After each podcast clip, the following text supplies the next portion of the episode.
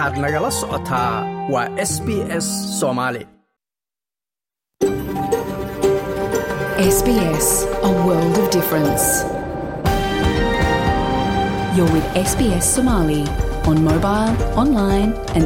Somali waxaad nagala socotaan s b s soomaali oo aad ka heli kartaan mobil online iyo rediyoga wanaagsan akhyaarta hawada nagala xidhiidhay ku soo dhowaada barnaamijkeenna caawa oo aad kala socotaan. Laanta afka soomaaliga ee idaacadda s b s caawana waa habeen jamca. Toddobiyo tobanka bisha labaad labada kun labaatan iyo saddexda barnaamijka caawa wuxuu idinkaga imanayaa stuudioga magaalada meelban waxaa idinla socodsiinaya anigoo ah maxamed madar. Waxyaabaha aad caawa idaacaddayada ku maqli doontaan waxaa ka mid ah xaaladihii ugu dambeeyey ee dhanka dhulgariirka turkiga iyo siriya warbixin baan idinka haynaa. Sidoo kaleete muxuba qaymaha waraysi aan la yeelannay oo iyadu bandhig faneed dhanka dhaqanka ah ku soo bandhigtay magaalada melbourne warbixin baan idinka haynaa. Dowladda oo guulo ka sheegatay dagaal ay la gashay al-shabaab warbixin ayaan idinka haynaa iyadana. Haatanna waa qodobada warka ugu dorka roon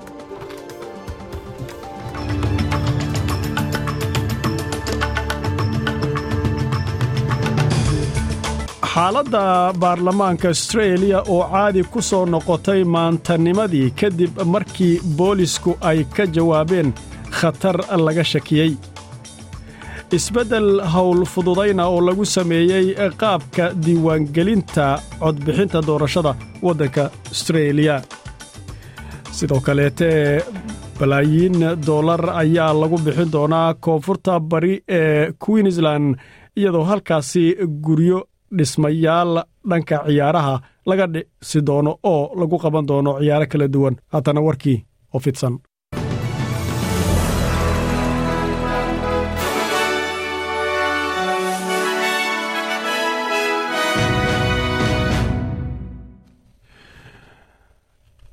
xaaladda dabiiciga ayaa ku soo laabatay dhismaha baarlamaanka waddanka astreeliya kadib markii bilaysku ay ka jawaabeen khatar laga shakiyey. Dadweynaha ayaa loo oggolaaday inay galaan gudaha baarlamaanka goobo ka mida kadib markii kolkii hore laysku amray inay ka baxaan ama dadka dhammaan ka baxaan dhismayaalkaasi bilayska ayaa waxay xaqiijiyeen warqad markaasi laga shakiyey ama bokis laga shakiyey kadib markii la soo wacay duhurnimadii maantanimada jamcada halka warkaasi aad kala socotaan waa laanta af soomaaliga ee idaacadda s b s.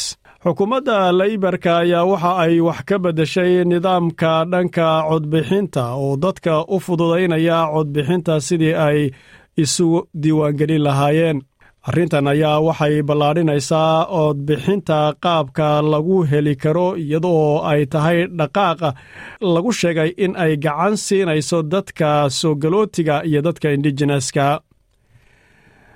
wakhtigan aynu joogno nus milyoon dad lagu qiyaasay ayaa iyagu aan xaq u lahayn amaba aan iska diiwaangelinin codbixinta doorashooyinka waddanka astreeliya taasina caqabada ay ku haysay iyada oo qofka laga rabo in uu marka uu isdiiwaangelinayo uu haysto laysanka darawalnimada amaba baasaboorka taasoo dadka qaarkooda ku adkayd inay helaan. Balse laga bilaabo maalinta sabtida ah ee siddeed iyo tobanka waxa ay awood u leeyihiin inay isku diiwaangeliyaan iyagoo adeegsanaya midhikeerkooda amaba warqadda sharciga ee astreeliyaanka uu ku haysto qofku. Wasiirka khaaska ah ee arrimaha cambera ayaa waxa uu sheegay isagoo hadlaya wuxuuna yidhi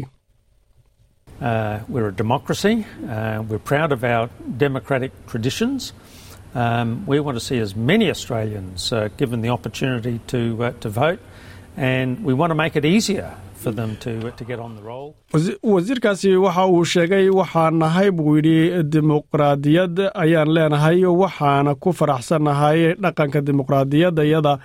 Waxaana doonaynaa inaan aragno in badan oo astreeliyaana inay helayaan fursad ay ku codeeyaan. Waxaana doonaynaa buu yidhi in aan arrintaasi iyaga u fududayno si ay isu diiwaangeliyaan. Carlo carli oo isaguna ka soo jeeda golaha aan dhahno bulshada dhaqamada kala duwan ee australia ayaa isagoo hadlayana waxa uu yidhi isaguna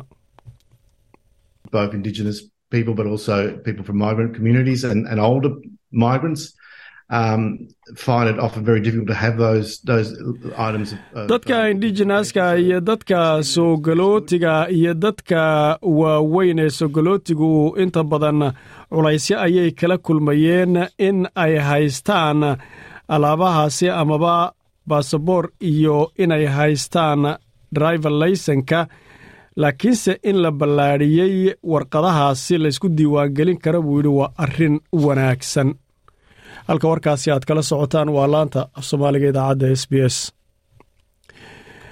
Digniinaha cudurka jadeecada ayaa laga soo saaray new south wales iyo gobolka caasimadda australia ee cambera maamulka caafimaadka ee cambera ayaa waxa uu ku wargeliyey bulshada in ay ka warqabaan goobaha jadeecadaasi laga helo ama ay ka dhalan karto iyagoo markaasina la xaqiijiyey kiis in laga helay gobolkaasi cambera calaamadaha waxaa ka mida cudurkan lagu garto jadeecada ah qandho daal diif indhaxanuun qufac iyo finan qofka ka soo baxa.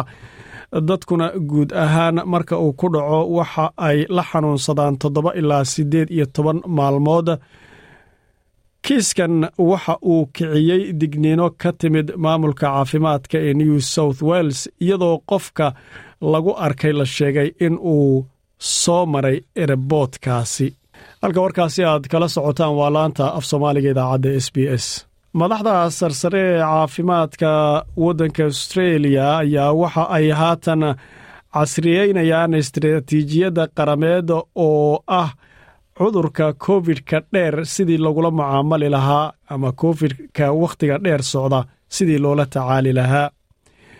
Hadal uu ka hortabiyey baarlamaanka oo markaasina wax laga weydiinayey madaxa mas'uuliyiintaasi caafimaadka paul kelly waxa uu sheegay wasaaradda caafimaadku in lagu amray amaba lagu kalifay oo mas'uul looga dhigay inay casriyeyso istiraatiijiyaddaasi ururka caafimaadka adduunka ayaa waxa uu ku qeexay waxa loo yaqaano covid-ka wakhtiga dheer inuu yahay sii socodka qofka astaamaha cudurkaasi ay ka soo muuqdaan oo markaasi saddex bilood iyo wax ku dhow laga yaabo inuu sii wadan kara amaba ay ka muuqan karto.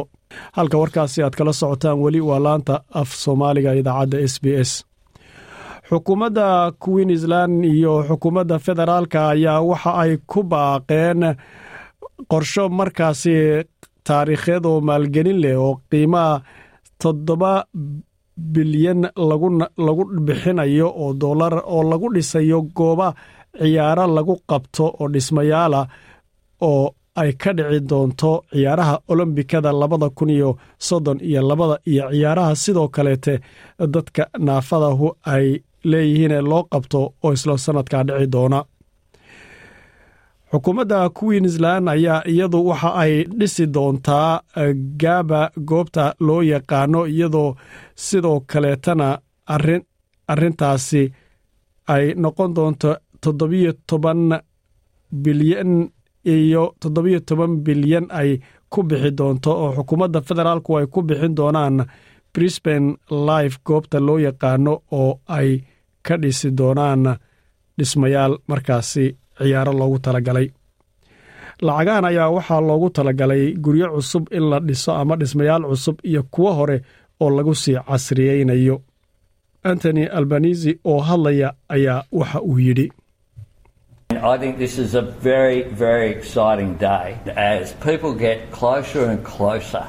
I think this is a very, very exciting day as people get closer and closer to 2032. waxaan filayaa maanta inay tahay maalin aad iyo aad u wacan ku sii dhowaanshahaba lagu sii dhowaanayo sannadka labada kun soddon iyo labada. Waxaa kor u kacaya xaaladda markaasi wacnaanta iyada oo ay noqon doonto ciyaaro aad u wanaagsan. Sidoo kaleetana noqon doonta dhaxal aad u weyn. Ku jirnaaye waxaa haddaba ay noqon doontaa queensland iyaduna tii laga hirgeliyo dhismayaalkaasi oo bilaaban doona labada kun labaatan iyo lixda lana soo gebagabeeyo labada kun iyo soddonka iyadoo taasina ay ka mid tahay waxyaabaha lagu maalgelin doono ee dhismayaalkaasi la diyaarin doono. Ugu dambaynta haatanna waxaan dhegaysanaynaa amaba aan soo daynaynaa dhanka ku saabsan hawada iyo cimilada berito sabtida ah ay noqon doonto iyadoo beetha qorax ay noqon doonto. Inta badan soddon iyo afar heerka kulkuna uu gaari doono adelaide ayaa labaatan iyo lix noqon doonta. Inta badanna qorax noqon doonta melbourne labaatan iyo saddex bay noqon doontaa heerka kulku qorax aan dhahno daruuro ayaana lagu arki doonaa qayb cirka ka mida. Hobart ayaa iyaduna sidoo kale labaatan iyo afar gaari doonta. Cambera ayaa soddon iyo shan noqon doonta.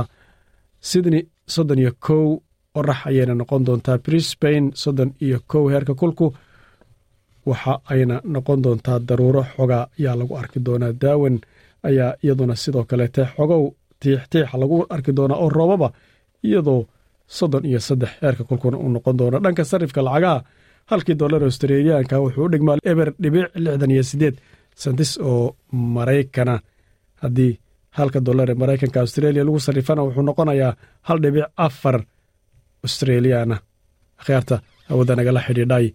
Intaasi waa warkii. Haatanna waxaad ku soo dhowaataan qaybaha barnaamijkeenna waxaana wanaagsan akhyaarta hawada naga dhegaysanaysa iyo barnaamijkeenna inagoo bilowgiisa ku jirna waxaa noo soo socda waraysi aan la yeelanay muxuba qaymaha oo dhanka farshaxanka lagu yaqaano haddaba bandhig ay dhigtay oo magaalada melbourne ka dhigtay ayaan waraysi kala yeelanay. Waxa uu ku saabsanaa sidoo kaleete dowladda soomaaliya ayaa dagaalla ay al-shabaab la gashay guulo ka sheegatay oo aan iyadana warbixin idinka haynaa haatanse akhyaarta hawada naga dhegaysanaysaay waxaad ku soo dhowaataan xaaladihii ugu dambeeyey ee dhanka dhulgariirka turkiga iyo syriya warbixin aan ka diyaarinay dhegeys wacan. Dhulgariirka waddanka turkiga iyo siriya ka dhacay ayaa dadkii ku geeriyooday waxa ay kor u dhaafeen afartan iyo saddex kun iyadoo la sheegayo dhulgariiryo kaleete oo rogaal celisa oo iyaguna dhacay mar dhoweyto. Dhulgariirkan dadkii ku geeriyooday tiradooda ayaa waxa ay haatan sii sara kacday kadib kadib burburka oo haatan weli la sii faagayo iyadoo ay gaadhay afartan iyo saddex qof. Waxaana sidoo kaleete weli la helaya oo si mucjisaa lagu magacaabay dad iyagu ka badbaaday gaar ahaan dhanka turkiga iyadoo qaramada midoobeyna ay ugu yeedhay dhawaqiyo ay doonayso in lagu bixiyo tabarucaad dadkaasi lagu taageerayo. Warbixinnada rasmiga sida ay sheegayaan dadka waddanka turkiga ku dhintay waxa ay gaadhayaan soddon iyo siddeed kun iyo afartan iyo afar qof iyadoo ay tirada dadka suuriya ku dhintayna ay gaadhayaan shan kun siddeed boqol iyo afartan iyadoo la saaray tiro dheeraada oo meydadka ku hoos jiray goobaha burburka weli howlihii baadhitaanada waa ay ka socdaan gobollada qaarkood gobollada qaarkood iyadoo kuwa qaarkoodna lagu dhawaaqay in ay dhammaatay. Waxaa haddaba baadhitaanadaasi si waxaa lagu waxaa haddaba waxaa si mucjiso lagu magacaabay baadhitaanadaasi weli loogu helayaa dad badbaaday. Gabadh toddobiyo toban jir ah ayaa laga soo saaray goobahaasi burburka magaalada karaman mahras la yidhaahdo. Gabadhanoo in ka badan toban beri ku jirtay halkaasi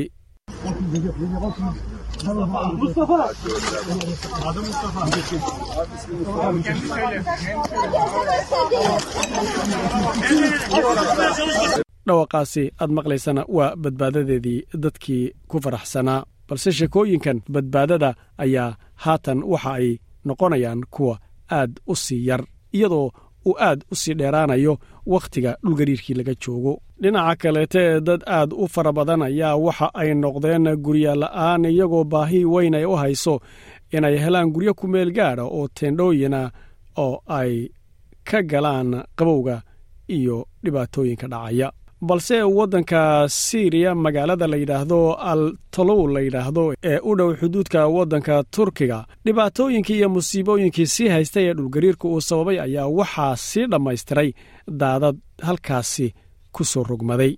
Dadka iyagu maxalliga ah ayaa waxay hadda ka hor arkeen daadadkan intaynan imanin. Goob biyo xidheena oo iyadu kala dildilaacday una dhoweyd goobtaasi dadku ay ku dhibaatoobeen. Halkaasi oo kadibna lagula degdegay in la saaro jawaana ciida. Haweenaydan waxa ay sheegaysaa in roobab aad u waaweyn kadib markay da'een webigii uu buux dhaafay iyadoo halkaasna daadad ay sababeen kuwaasoo qaaday guryihii dumay intii ka hadhay kuna firdhiyey magaalada gudaheeda biyo aad u wasakh badan oo u madow. Haweenadaasoo hadlaysa waxay tidhi After the quake, then with the floods, no one managed to sleep, not even for 10 minutes. No one got kadib dhulgariirkii haddana daadadkii ma jiro qof awood u helay inuu seexdo ma jiro xataa toban daqiiqo ma jiro qof wax nasasho ah helay waxaannu deggannahay buu yidhi jidadka oon la deggannahay carruurtayada hooyooyinkanna aabbahayo walaalahayaga wiilasha ah walaalahayaga gabdhaha ah sidoo kaleetana dadka deriskayaga ah dhammaantayo waxaan hoos fadhinaa roobabka iyo qabowga ayay tidhi haweenaydaasi dhanka waqooyiga siiriya magaalada la yidhaahdo jenderis waxaa ku soo kordhay howlaha xaditaannada. Mid ka mida dadka halkaasi deggan oo maxamuud sabri la yidhaahdo waxa uu sheegay dadkaasi wax xadaya inay haatan bilaabeen markii ugu horraysayba inay xaditaanka bilaabaan wakhtigii hawshu ay bilaabatay. Wuxuuna yidhi waxa ay xadayaan qalabka sida friijka mashiinta dharka lagu dhaqo lacagta dahabka iyo wax kasta oo ay helaan. Waxay qaadanayaan wax kasta oo ay helaan mana ogin buu yidhi meesha ay ka imaanayaan dadkaasi xaditaanadan markii ay bilowdeen ayaa koox iyagu la yidhaahdo al sharqiya aami waxay ku ballanqaadeen si iskaa wax u qaba ah in ay waardig adag qabanayaan. Maxamed abustayf oo ka mid ah xubnaha si waardiga samaynaya waxa uu sheegay in ay qaadeen howl ku saabsan afar iyo labaatan saac oo waardiye ah oo ay shifti ku galayaan iyadoo ay ku ilaalinayaan dadka iyo hantidooda wuxuu yidhi. Maxamed abustayf oo ka mid ah raggaasi halkaasi waardiyeynayey ayaa waxa uu sheegay in afar iyo labaatan saac shifti ah ay galeen kuna ilaalinayaan dadka iyo hantidooda wuxuuna yidhi. They are stealing appliances like fridges, washing machines, money, gold, and whatever they find. They take whatever they find, and we do not know where they are coming from. waxaan isku daynay inaan daboollo macnaha ilaalinta xaafadaha qaarkood. Waxaan isku daynay inaan daboollo afar ama shan xaafadood waana samaynay iyadoo alla uu nagu caawiyey. Muhiimaddayadu waxaa weeye ka askar ahaan inaan gacan siinno walaalahayaga dadka rayidka ah maxaa yeelay waxaa jira dad iyagu ujeeddo xun wata kuwaasoo isku dayaya inay ka xadaan halkan iyo halkaasba. Wasiirka caafimaadka ee waddanka turkiga ayaa waxa uu booqday cunuga la yidhaahdo cuthmaan xalabiya oo ahaa isagu cunug laga soo badbaadiyey dhibaatadaasi. Wasiirka caafimaadka ee waddanka turkiga fakhrudiin foja ayaa waxa uu booqday cunugii cuthmaan xalabiya si uu u soo ogaado badqabkiisa kadib markii laga soo saaray burburkaasi magaalada antakiya ee wilaayada hatay ee koonfurta turkiga kadib laba boqol iyo lixdan saac wakhti gaadhaya iyadoo aynan ahayd kow iyo toban maalmood. Taniya intii u dhacay dhulgariirku fooja ayaa waxa uu yidhi isaga oo twitterka soo dhigay warqaddan cuthmaan oo afar iyo toban jir ah dhexdeenna ayuu ku sugan yahay mar kaleete. Dadaalla la dhiibay kadib oo lagu soo badbaadiyey oo yimaadeen laba boqol iyo lixdan saac kadib wuxuuna caddeeyey wasiirka turkigu in cunugaasi uu haatan daryeel caafimaad ka helayo isbitaalka mustashfa kamaal la yidhaahdo ee wilaayada haataay ku yaalla isagoo intaa ku daray waxaan garab taagnahay buu yidhi keeni yaraa anigoo dhammaan dadka matalaya dhinaca kaleete qaramada midoobey ayaa waxay codsanaysaa afar milyaar oo dollar oo lagu caawinayo shacabka waddanka suuriya siriya iskudubaridaha arrimaha gargaarka bani aadanka ee qaramada midoobey ee dhanka suuriya ayaa waxa uu ku baaqay in baahi loo qabo afar milyan oo dollar oo lagu caawiyo shacabka waddanka suuriya kadib iskudubaridaha qaramada midoobey waxaan wajahaynaa buu yidhi caqabado aad u waaweyn oo ku saabsan gacansiinta dadkaasi musiibadu haleeshay. Waxaana kaloo wajahaynaa buu yidhi dhaqaala yari kii ugu weynaa.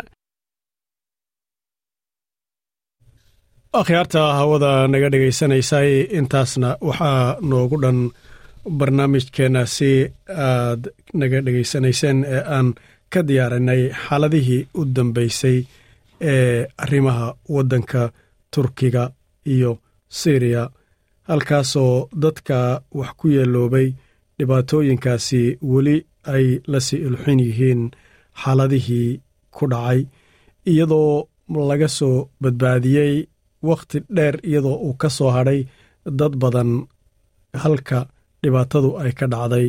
Waxaana ugu dambeeyey wiil yar oo maalin dhoweyto laga soo badbaadiyey. Dhinaca kaleetee soomaaliya ayaa waxa haatan ay ku baaqday in ay aruurinayso lacago markaasi loogu deeqo.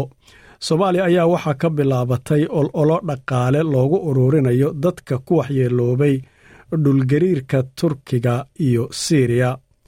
Dowladda soomaaliya ayaa bilowday ololo dhaqaale loogu uruurinayo dadka ku waxyeeloobay dhulgariirka iyadoo ujeeddadu ay tahay in muddo saddex maalmood gudahooda lagu uruuriyo lacag dhan shan milyan oo dollar.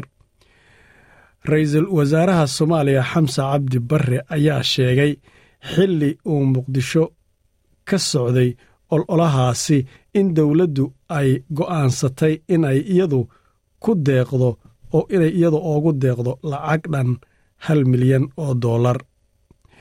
Dhanka kale guddiga ganacsatada soomaaliyeed ayaa ku deeqay iyaguna lacag dhan saddex milyan oo dollar. Halkaas oo lagu sii dhowaanayo ujeedkii iyo hadafkii shanta milyan ahaa. Akhyaarta hodan nagala xidhiidhay intaana waa qodob isaguna ku saabsanaa xaaladaha ugu dambeeyey ee markaana dhanka dhibaatooyinka dhulgariirkii ka dhacay waddanka turkiga iyo waddanka suuriya haatanna waxaad ku soo dhowaataan qadar yaroo xaysiisa waxaana wanaagsan dhegaystayaal mar kaleete innagoo barnaamijkeenna haatan dhexda kaga jirna waxaa noo soo socda dowladda oo guulo ka sheegatay dagaalla ay la gashay al-shabaab. Warbixin baan idinka haynaa arrintaasi haatanse waxaad ku soo dhowaataan muxubo qaymaa oo ah gabadh dhanka farshaxanka lagu yaqaano oo australia ku nool si gaara magaalada melbourne ayaa waxa ay maanta bandhig dhaqameed ku samaysay magaalada melbourne dhexdeeda si gaara goobta librariga ivanho ku yaalla haatan warbixin aan dhahno waraysi aan la yeelanay muxuba qaymaa ayaa marka ugu horreysay waxaan weydiiyey muxubo waxa ay ama cidda ay higsanayso ay dhanka farshaxankan ay baratay ma hiddaa oo hiddo ay ka raacday waalidba ama dad kaleeta ay ka raacday oo familkaa mase waa shay iyadu ay jeclayd markii horeba oo ay saa u baratay. Waxayna tiri runtii waxaa la dhihi karaa inaan hidiraacna way noqon kartaa. Danayn aniga aan danaynayeyna way tahay. Oo aniga aad iyo aad u jeclaayo hadda faamilkeenna walaalahay. Qofka keliyahoo daba socda oo aadka u jecel ilaa yaraantiisii aniga ahay. Baadiyan ku dhashay. Marka baadiyahana khasab bay ahayd inaa dadku ay ma aragtaa caruurtu ay barato dhaqanka meesha ka jira marka hooyaday iyo ayaday iyo walaashay weyn kulle waa yaqaaneen iyagaana sii bari jiray. Laakiin aniga aad baan waxaan u ahaa dadka u daneeya oo aad iyo aad u interes gareeyo jecel dhaqanka. Marka yaa si fiican hadda ooga baratay marka la eego maadaama hiddo dhaqan uu ku jiro yaa yaa familka ina dhexalsiiye ama ku dhexalsiiye oo kale dadka jeclaa iyo adigaba hooyaday aad bay u ahayd dadka u sameeya ay tahay. Walow aan baadiyaha deganaynoo dee khasab ay ku tahay reerka inuu waxaan sameeyo laakiin haddana dadka ugu farta quruxda badan oo farshaxanka ugu qurux badan bay ahayd. Haddana waxaan ku dayan jiray oo aad u jeclaa inaan farteedoo kala keeno. Ayeyday allah naxariistee oo aabba dhashay. Ayaa waxay ahayd dadka loogu yeero qaymaa. Oo hadda magacaan aan wata ee muxuba qaymaa marka qaymi ayadaa waxaa loogu yeeri jiray ashkaray waxaa taha la oran jiray maamo qaymi badane. Qaymigan maxaanku irahdaa kaalay nala wadaag oo dadka ay sii bari jirtay. Marka aad bay far u qurux badan waxay u lahayd maasha allah. Bandhigan haddaba farshaxanka hiddaha dhaqanka ee muxuba qayma aad kula magac baxday halkaa u haysato ee fiidkan jamcaha aad haatan ku soo bandhigtay munaasabadiisa iyo waxa uu daaran yahay bal adoo dadka u sharaxaya ku soo dhowow runtii jimcaha bandhiga kan waa horta waa bandhig weyn oo anigu qeyb baan ka ahay marka library avenhol oo heidelberg areadeeda ku yaalla weeye. Marka aniga qeybta aniga iga qusaysay ayaa waxay ahayd hidaha iyo dhaqankeenna quruxda badan inaan ku soo bandhigo oo waxaana la siiyey meel weyn. Meeshaas inaan aqalkii ku dhiso keeno dhalinyaradii dharka hidiya dhaqanka ku labisnayd alaabtii oo dhan marka kumbileeda marka alaabtii keenay waxaa marka ka mid a agabkii qaabkan u habaynay. Taas waa taan u soo soconno. Bandhigan haddaba quruxda badan ee dadku yimaadeen la fiirsanayo ee alaabtaadii waxaad soo saartay oo dhan aad isugu keentay hawshii hiddaha dhaqanka oo dhanna ama badankeed halkan ay ka muuqato. Halhal intan muuqata dhulka yaalla muxuu ahaa derbiyada ku dhejisan miisaska saarsaaran si kooban bal dadka si ay u fahmaan hidiyaha dhaqanka magacyada qaarkood bal ku soo dhowow mahadsan tahay haddaan runtii u sharaxo oo dadka aan u sharaxo aan joogin ilan dadkii inta joogta wayba u jeedaaye. Derbiga waxaa ku dhegan aloolkii si horta farsamo ah oo casri ah baan horta u sameeyey oo dadka magaalada deganna ay la jaan qaadi karaan oo aysan u moodin hidiya dhaqan markay maqlaan baadiyihii keliya in laga isticmaalo. Derbiga waxaa ku dhegan kadaradii baan ku dhejiyey oo alool baa ku dhegan waxaa ku dhegan weynbaarkeennii baa ku dhegan derbiga. Waxaa kaloo dhulka yaalla maxaan idhahdaa dhiishii haantii dabqaadkii gogoshii nimanka loo goglayay martida waxaa halkaas yaallaa waa gogoshii martida maaragta oo raarkii loo goglayey aqalkiioo dhisan oo asagana kumbilada waxba ka maqnayn. Dabkii gabadhiio halkaa fadhido dawaata halkaas shaaha karinaysa oo gabadhiina halkaa ay shaaha karinayso. Dhalinyaro halkan waxaa taagan wiiliyo gabar dhar badan ku labisan oo qurux badan oo hidiya dhaqankeenii gabadha ay xiran tahay gantuunadeeni shanleyda ahayd iyo boqorkiiyo dhaclihii. Wiilkiina xiran yahay macawistii iyo go-i shaalka ahaa iyo maxaanku idhaahdaa suunkiisii u xiran yahay. Marka dhaqanka horta aad buu u qurux badan yahay oo maasha allah kuwa miisaskan saarsaaran iyagana kuwa miiskana waxaa saaran iyagana miisaska saarnay. Dhiilihii baan saarnay sida maaragta dhiishii gocoyada ahayd oo aan weli la xoolayn. Dhiishii asalka lahayd oo aslan waxaa saaran dhiishii kale iyadana ka samaysan qori. Waxaa saaran xeeradii xeerasalaydii qudihii waxaa kaloo saaran oo miisaska saaran dabqaadkii maxaanku idhaahdaa saabkii oo saab si sharaxaad aan ugu sameeyey aan ahayn saabkii ritiga ku rarnaa. Isagoo ritigii raranoo dhaansan waka halkaa yaalla oo asagoo dhaankii maaragta diyaar o asaaka reerku biyaha inuu doono oo labadii haamood saaran tahay aagaamihii biyaha lagu dooni lahaa.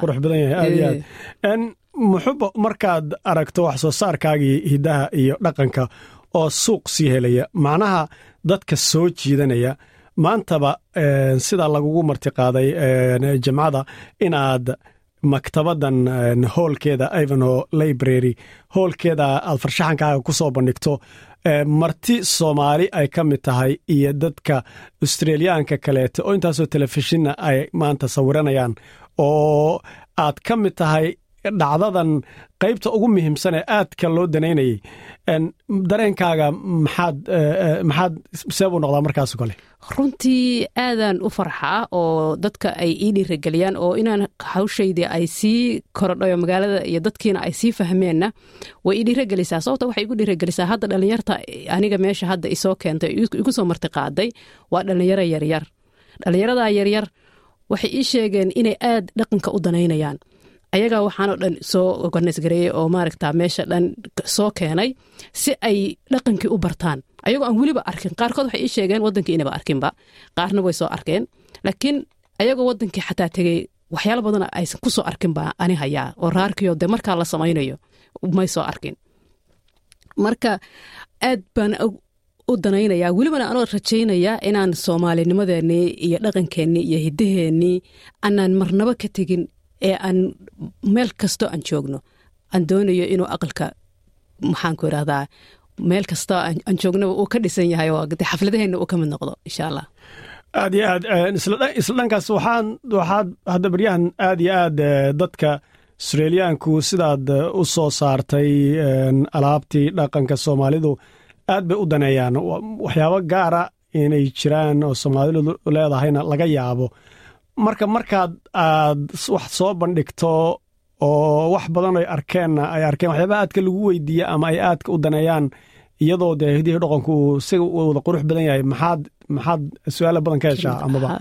Runtii waxaa ka mid a oo aan aniga hore ana u ogeynba tobanka farood finger wevin faraha inaan wax ku samayno annagoo aan u baahnayn mudac iyo madiil iyo maqas iyo mashiin annagoon u baahnayn baan aqal dhan samaysanaa marka horta inta badan waxay aad ii weydiiyaan alaabtan maxaad ku samaysay? Raarkan sidee u samaysay? Kabadan sidee u samaysay? Weynbaarkan boorsadan dhan sidee maxaad ku samaysay? Micnaha waxay raadinayaan mudac iyo madiil iyo de in lagu sameeyo. Marka dhaqan waxay noqotay aan runtii kaga duwannahay dhaqamada kaloo dhan oo dhaqan intaasoo wax ku samayn karaa tobankii saafarood. Horta weli ma ana soo arkin ilaa dhaqamo badan oo adduunka dhan ka mid ah waan arkay laakiin weli ma arag faraha wax ku samaynaya aan soomaalideena ka ahayn. Marka aad baa la ii weydiiyaa. Aad baa horta farahaasa maaragta aad u soo iyo dhaqankeeno qurux badan oo kalarful ahaan kalar ahaan baa kalaro qurux badan aan haysanaa iyo naqshadihiisa maaragta weliba maaragta haddana magacya leh oo maaragta dee ganuun iyo dabayar iyo awr iyo haldhaaf iyo saddexle iyo dumarhawir marka xataa miininay kala leeyihiin magacyada way weydiiyaan. Maxay ka dhigan yihiin magacyadan oo inta badan oo kale haddana waxay sii daneeyaan oo u sii daneynayaan dadka cadaanka wadankan kaljarada kale waxay dhexgeliyaan dhaqankooda waxay dhexgeliyaan diimahooda dhexgeliyaan oo waxay ka turjumaan naqshadan yaroo meesha ku taala sida hadda ganuunteenoo kale waxaa laga yaabaa inay ayaga micno wax ka turjumayso diin xagga. Annaga laakiin kama turjumayso. Waa qofka dhaqankiisii dhaqankii aan lahayn keliya ka turjumaysaa marka wax qof walba xiran kara weeye oo aan qofna diidayn. Sidaasay marka ii weydiiyaan in badan ay ayaga u danaynayaan. Aad iyo aad aad iyo aad. Ugu dambeynta marka aad wax soo bandhigaysay maantaoo kaleete dad ajaanib oo fara badan baa joogay. Soomaalidooda ka badnaa telefishinaha joogeed arkaysay. Maxaa soomaalida siday farshaxanka markii aad bandhigayso oo kale taageerada danaynta dareenkaaga dhanka soomaalida sideed maadaama waxaan dhaqankooda iyagu uu turjumayo. Sideed maxaad ku cabiri lahayd maxaadse dhihi lahayd oo kale haddii aad aad wax u sheegi lahayd. Runtii waxaan jeclaan lahaa horta mararkii saasoo kale meelahaasoo kale loo soo bandhigayo waxaa ka badan dadka kale ajanabiga ah baa soomaalida ka badan. Markastoo aan soo bandhigo waxaa badan ajanabiga badan soomaalida mar walba boqolkiiba soddon baan dhihi karaa bay mararka qaarkood ku imaadaan. Marka waxaan aad u jeclaan lahaa dhaqankeenna annaga inaan dee boqolkiiba boqol aan danayno hidaheenna iyo dhaqankeenna iyo kaljarkeenna annaga inaan danayno oo dadkan kale aysan naga hor danayn dadkaana naga badan say u danaynayaan oo u raadinayaan. Marka aad baan runtii taa u jeclaan lahaa. Waxaan kaloo ku dhiiragelin lahaa de inaan dhaqan qurux badan oon dadka lahayn dad badane lahayn inaan leenahay. Marka inaan dhaqankeenii aan dib ugu soo noqono dhaqankiina uusan ahayn baadiye keliya qofka dhaqan markii la dhaho yuusan baadiye maskaxdiisa uusan raadinin oo u moodin baadiyihii. Magaalada hadda maalborn sitigeedaan degannahay sitiga anoo degan baa haddana uu ku qurux badan yahay sitigiibuu ku qurux badan yahay dhaqankeenni sitiguuba ku qurux badan yahay xataa. Akhyaarta hawada nagala xidhiidhay barnaamijkeenaasi ku soo dhowaada barnaamijkeenna oo dhexda kaga jirna weli waxaana haatan aad dhegaysanayseen muxubo qayma oo iyadu bandhig dhaqameed melbourne ku samaysay si gaara laibrariga ivanho ku yaalla halkaasoo ay qayb ka ahayd barnaamij weyn oo halkaasi lagu soo bandhigayey haatan qadar yaroo xaysiisa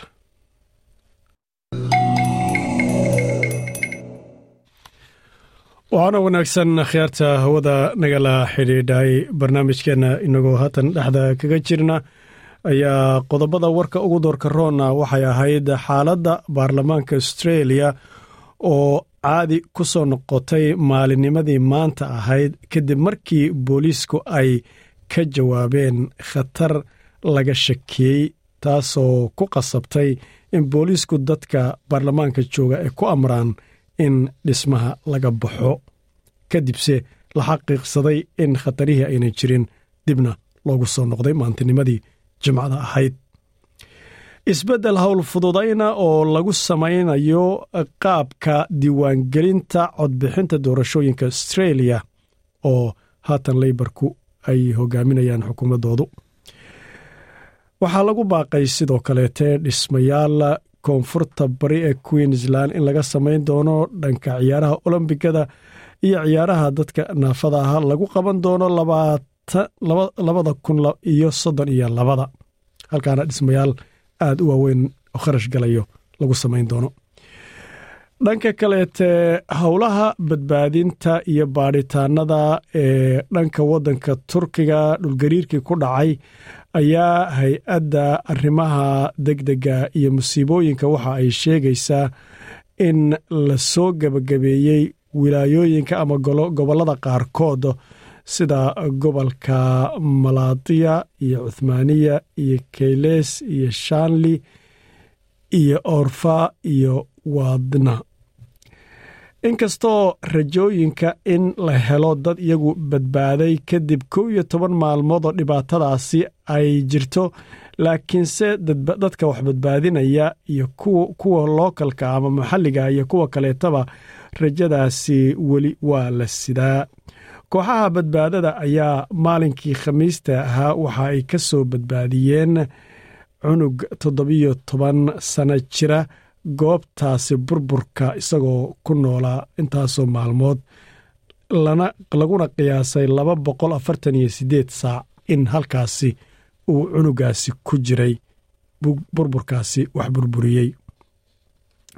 Akhyaarta hawada nagala xidhiidhay haatanna waxaad ku soo dhowaataan qadar yaroo xaysiisa dowladda federaalk ee soomaaliya ayaa faahfaahin ka bixisay dagaaladii ugu dambeeyey ee ka dhacay deegaano dhowr ah halka oo ay kula dagaalameen ciidanka al-shabaab islamarkaana ay sheegeen inay guulo ka soo hooyeen wasiir ku-xigeenka wasaaradda warfaafinta xukuumadda federaalk ee soomaaliya cabdiraxmaan yuusuf al cadaala oo shir jiraayad ku qabtay gudaha magaalada muqdisho ayaa ka hadlay dagaalka ka socda deegaanka iji ee ka tirsan gobolka hiiraan alcadaala ayaa shaaca ka qaaday in dagaalka ka socda halkaasi oo galay maalinkii labaad oo xiriira jab xoogan lagu gaarsiiyey siduu yidhi xarakada shabaab islamarkaana lagu dilay in ka badan laba boqol oo xubnood kuwa ay ku jiraan horjoogayaal. Siduu hadalka u dhigay waxaan doonaynaa maantay halkan inaan faahfaahinno uga bixinno howlgallo xooggan oo ka dhan ah kooxaha khawaarijta ah oo saacadihii iyo maalmihii la soo dhaafay si xawliga uga socday qaybo ka mida dalka gaar ahaan dowlad goboleedyada hirshabeelle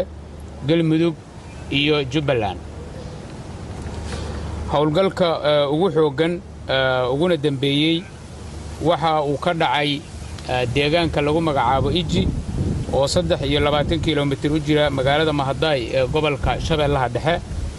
Halkaas waxaa lagu fara saaray koox ka tirsan maleeshiyaadka khawaarijta ah waxaana dagaalkaas ama howlgalkaas oo si wada jira ay u fuliyeen ciidanka xoogga dalka soomaaliyeed ciidanka hay'adda nabadsugidda iyo sirdoonka qaranka dadka deegaanka gobolka hirshabeelle ama dowlad goboleedka hirshabeelle iyo saaxiibbada caalamiga ah ee taageera uu ku soo dhammaaday si guul ah. Ilaa hadda inta aan xaqiijinnay waxaa halkaas lagu dilay in ka badan laba boqol oo ka tirsan maleeshiyaadkii khawaarijta ahaa ee goobtaas ku sugnaa kuwaas oo meydadkooda halkaas ay ka soo aruuriyeen ciidamada huwanta ah ee wada howlgelayey islamarkaana la asturay islamarkaana muuqaalkooda iyo macluumaadkooda oo dhammaystiran gacanta lagu hayo.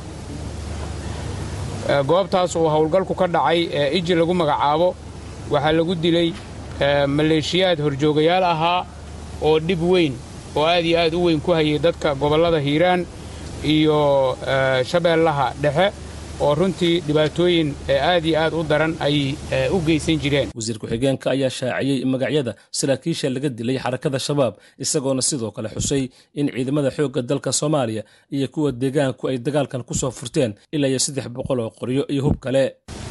Horjoogayaasha halkaas lagu khaarijiyey ee ka mid ahaa ilaa labada boqol maleeshiyaadka ee halkaas lagu dilay waxaa ka mid ahaa salaad maxamuud siyaad oo ahaa nin caan ku ahaa aruurinta ama dhaca xoolaha dadka masaakiinta ah ee ku nool gobolka shabeellaha dhexe. Si weynna dadka gobolkaasi ay u yaqaaneen kaasoo ahaa sharwade aad u qallafsan oo dad badan oo maati ah oo tabar daran xoolahooda dhacay. Waxaa sidoo kaleeta ka mid ahaa yuusuf cali sheekh oo ahaa horjoogihii khawaarijta u qaabilsanaa magaalada fiidow oo isaguna halkaas ku dhintay. Waxaa sidoo kaleeto khawaarijta halkaas lagu dilay ee horjoogayaasha ahaa ka mid ahaa horjooge lagu magacaabo sandheere oo ahaa taliyaha waxa ay u yaqaanaan khawaarijtu xisbada oo ah maleeshiyaadka sida gaarka u qaabilsan inay handadaan oo xoolaha ay ka dhacaan dadka gobolkaas ku nool iyo nin lagu magacaabo xuseen dheere oo isaguna ahaa sharwade khawaarij ah ahaana ku-xigeenka salaad maxamuud siyaad oo ah ninka aan idiin sheegnay. Halkaas waxaa lagu qabtay koox nool oo intooda badan qaba dhaawacyo culus kuwaas oo hadda lagu hayo xaalad xanaanayn ah. Waxaa sidoo kaleeto intii howlgalkaasuu socday ciidamada halkaas ka howlgalay ee mujaahidiinta ah ee khawaarijta halkaas ay ku laayeen kala wareegeen hub ka badan saddex boqol oo qori oo isugu jira hubka culus iyo kuwa fudud. Waxaa sidoo kaleeto halkaas ciidamadu ay kula wareegeen agab kala duwan oo khawaarijtu ay isticmaalayeen oo ay ka mid yihiin daawooyin cuntooyin iyo agabkii kaleeto ee ay isticmaalayeen. Wasiir ku-xigeenka ayaa dhanka kale waxauu ka warbixiyey howlgallo kale oo ka dhacay gobollada hiiraan iyo mudug oo uu sheegay in ciidanka dowladdu ay ku dileen tiro al-shabaab ka tirsanaa. Howlgal kale oo labaad ayaa waxa uu ka dhacay tuulada lagu magacaabo afcad oo ka tirsan gobolka hiiraan halkaas oo ilaa hadda uu ka socdo howlgal xoog leh oo maleeshiyaad kale oo khawaarija oo goobtaa ku sugnaa ciidamadu ay ku wajaheen isla markaana si guul ah u socda. Ilaa haddana lagu guulaystay in qaybo badan oo ka mid a khawaarijtai halkaa joogtay la laayo. Hase ahaatee faahfaahintiisa dib ayaan insha allahu tacaala idinkala wadaagi doonnaa howlgalka saddexaad waxa uu maalintii afaraad ka socdaa deegaanno hoostaga magaalada bacaadweyn ee gobolka mudug halkaas oo ciidanka xoogga dalka soomaaliyeed ciidanka daraawiishta galmudug dadka deegaanka iyo saaxiibbada caalamiga ah ay dhul hawd ah oo halkaa ku yaalla ku baacsanayaan maleeshiyaadka khawaarijta ah. Afartii maalmood ee howlgalkaas uu socday ilaa hadda waxaan xaqiijinnay geerida toddobaatan ka tirsan khawaarijta ee halkaas joogtay. Waxaa sidoo kaleeto ciidamadu ay ku guulaysteen in isaga oo nool oo fiyow ay gacanta ku dhigaan. Mid ka mida horjoogayaashii gobolkaas khawaarijta u qaabilsanaa oo lagu magacaabo salmaan daahir kaasoo ahaa ninka qaabilsanaa qaraxyada iyo caafimaadka. Halkaas intii howlgalku uu socday waxaa ka soo baxsaday furimaha khawaarijta maleeshiyaad isku dhiibay ciidamada qaranka ee halkaas howlgalka ka wada. Sidoo kaleeto ciidamada ka howlgelaya aagga bacaadweyne waxa ay soo ururiyeen islamarkaana astureen meydadka toddobaatameyadaas ka tirsanaa khawaarijta ee lagu laayey dagaalkii halkaas ka dhacay. Waxaa sidoo kaleeto inta uu socday howlgalkaas oo weli socda laga saaray khawaarijta difaacyadii ugu waaweynaa ee ay ku lahaayeen gobolka mudug deegaanada lagu magacaabo qaycad iyo shabeelow oo ah dhul buuro iyo bacaad iyo hawd isugu jira oo godad tiro badan oo dhulka hoostiisa ay ka samaysteen. Hase ahaatee ciidamadu ay ku guulaysteen inay burburiyaan waxaana hadda howlgalkaasi uu u socdaa sidii loogu talagalay wasiir ku-xigeenka wasaaradda warfaafinta xukuumadda soomaaliya ayaa dhanka kale waxa uu sheegay in howlgallada ka dhanka xarakada shabaab ay ka bilowdeen deegaanada jubbaland waxaana uu si gaara uga hadlay weerar ay al-shabaab ku soo qaadeen saldhig ay ciidanka dowladda iyo kuwa jubbaland ku lahaayeen deegaanka baarsan guuni isagoona tirada ciidamada kaga geeriyootay guud ahaanba howlgallada kala duwan ee dhacay ku sheegay ilaa iyo shan askari iyo toddoba kale oo dhaawacihii. Dhanka jubbaland waxaa iyadana ka socda howlgallo xoog leh maalmihii la soo dhaafay oo xooggoodu ka socda dhulka hawdka ah ee ka agdhow ama ku muxuu ahaa hoostaga degmada afmadow ee gobolka jubbada hoose halkaas oo dhul hawda oo khawaarijtu muddoba ay godad ka qoteen oo ay ku lahaayeen xarumo dhulka hawdka dhexdiisa oo ay ku dhuuntaan. Ay howlgallo burburina ka wadaan ciidanka xoogga dalka soomaaliyeed iyo ciidanka daraawiishta dowlad goboleedka jubbaland howlgalkaas oo si wanaagsan u socda. Saaka waa berigii khawaarijtu waxa ay isku dayeen in ay soo weeraraan oo ay dagaal ku soo qaadaan saldhig ciidanka xoogga dalka soomaaliyeed iyo daraawiishta jubbaland ay ku lahaayeen deegaanka sanguuni waxaay ciidamada oo runtii aad iyo aad u feejignaa xogtoodana haya khawaarijtu ay ku guulaysteen in ay caabiyaan oo ay muxuu ahaa fashiliyaan. Weerarkii halkaas khawaarijtu ay ku soo qaadeen. Goobtaasna waxay khawaarijtu uga carareen meydadka laba-iyo toban maleeshiyo oo afar ka mida ay ku xirraayeen qaraxyo kuwaasoo ciidammadu ay joogteen ka hor intii aanay qarxin. Howlgalladaas oo dhammaantood runtii si aad iyo aad u wanaagsan u socda intii ay socdeen waxaa naga shahiiday shan ka mid ah ciidanka xoogga dalka soomaaliyeed ciidamada daraawiishta ee dowlad goboleedyada iyo dadka deegaanka. Waxaa sidoo kaleeta dhaawacyo ay soo gaareen toddobo mujaahid oo iyagana ilaahay subxaanahu wa tacaala aan uga baryayno in uu caafimaad deg deg ah siiyo. Dhanka kale ma jiro wax hadal ah oo ka soo baxay dhinaca al-shabaab ee ku aadan dagaaladan ugu dambeeyey ee ka dhacay deegaano dhowr ah oo ka tirsan dalka iyadoo saacadihii la soo dhaafay la sheegay in dagaaladaasi ay ka socdeen meelo qaar gaar ahaan duleedka degmada jalalaqsi ee gobolka hiiraan. Akhyaarta hawada nagala xidhiidhay intaasna waxaa noogu dhan barnaamijkeenii warbixinta uu wariyaheenna cabdixafiid zaciimka nooga soo diray dhanka soomaaliya ee ahayd dagaalada dowladdu ay kula jirto al-shabaab ayna sheegatay guulo inay ka gaadhay dagaaladaasi. Haatanna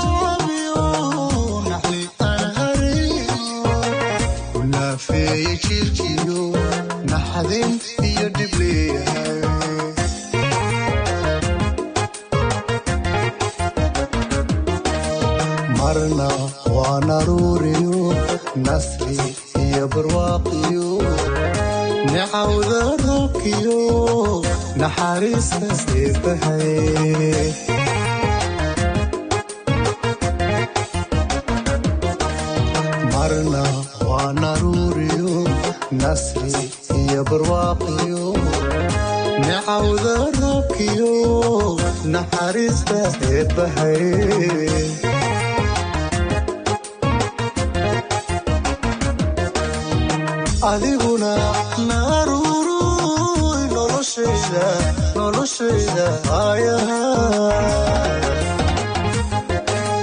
naftu halkay baahneed nasiibka isiiyo saba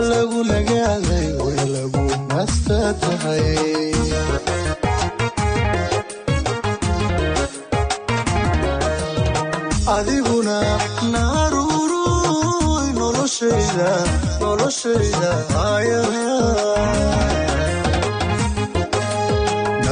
halkay u baahnay nasiibka isiiyo saba lagu nagaaday way lagu nasta tahay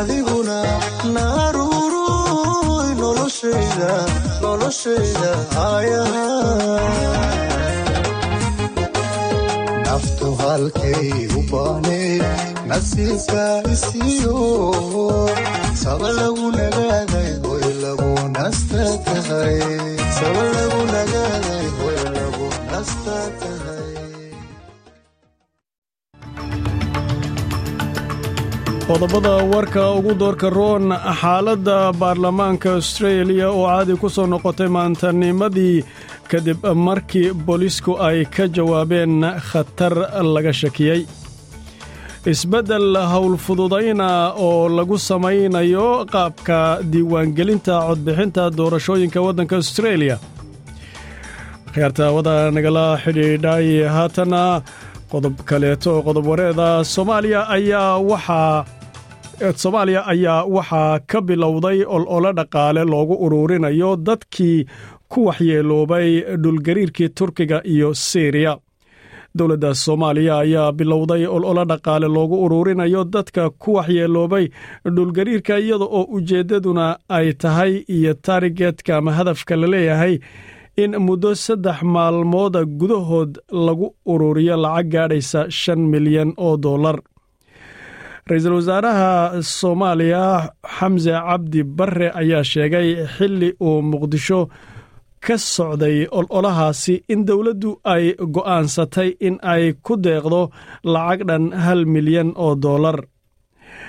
Dhanka kale guddiga ganacsatada soomaaliyeed ayaa iyaduna ku deeqday lacag dhan saddex milyan oo dollar akhyaarta hawada nagala xidhiidhay barnaamijkeenna dhanka kaleete arrimaha barnaamijkeenna qaybaha kaleete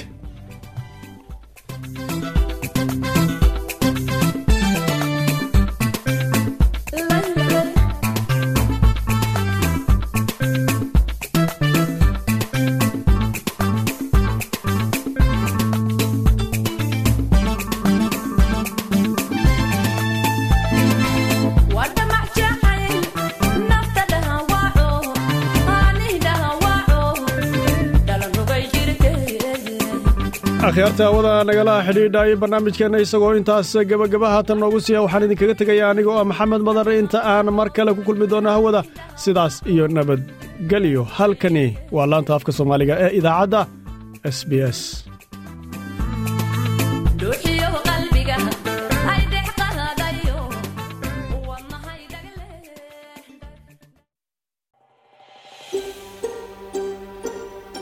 ma doonaysaa sheekooyinkan oo kale?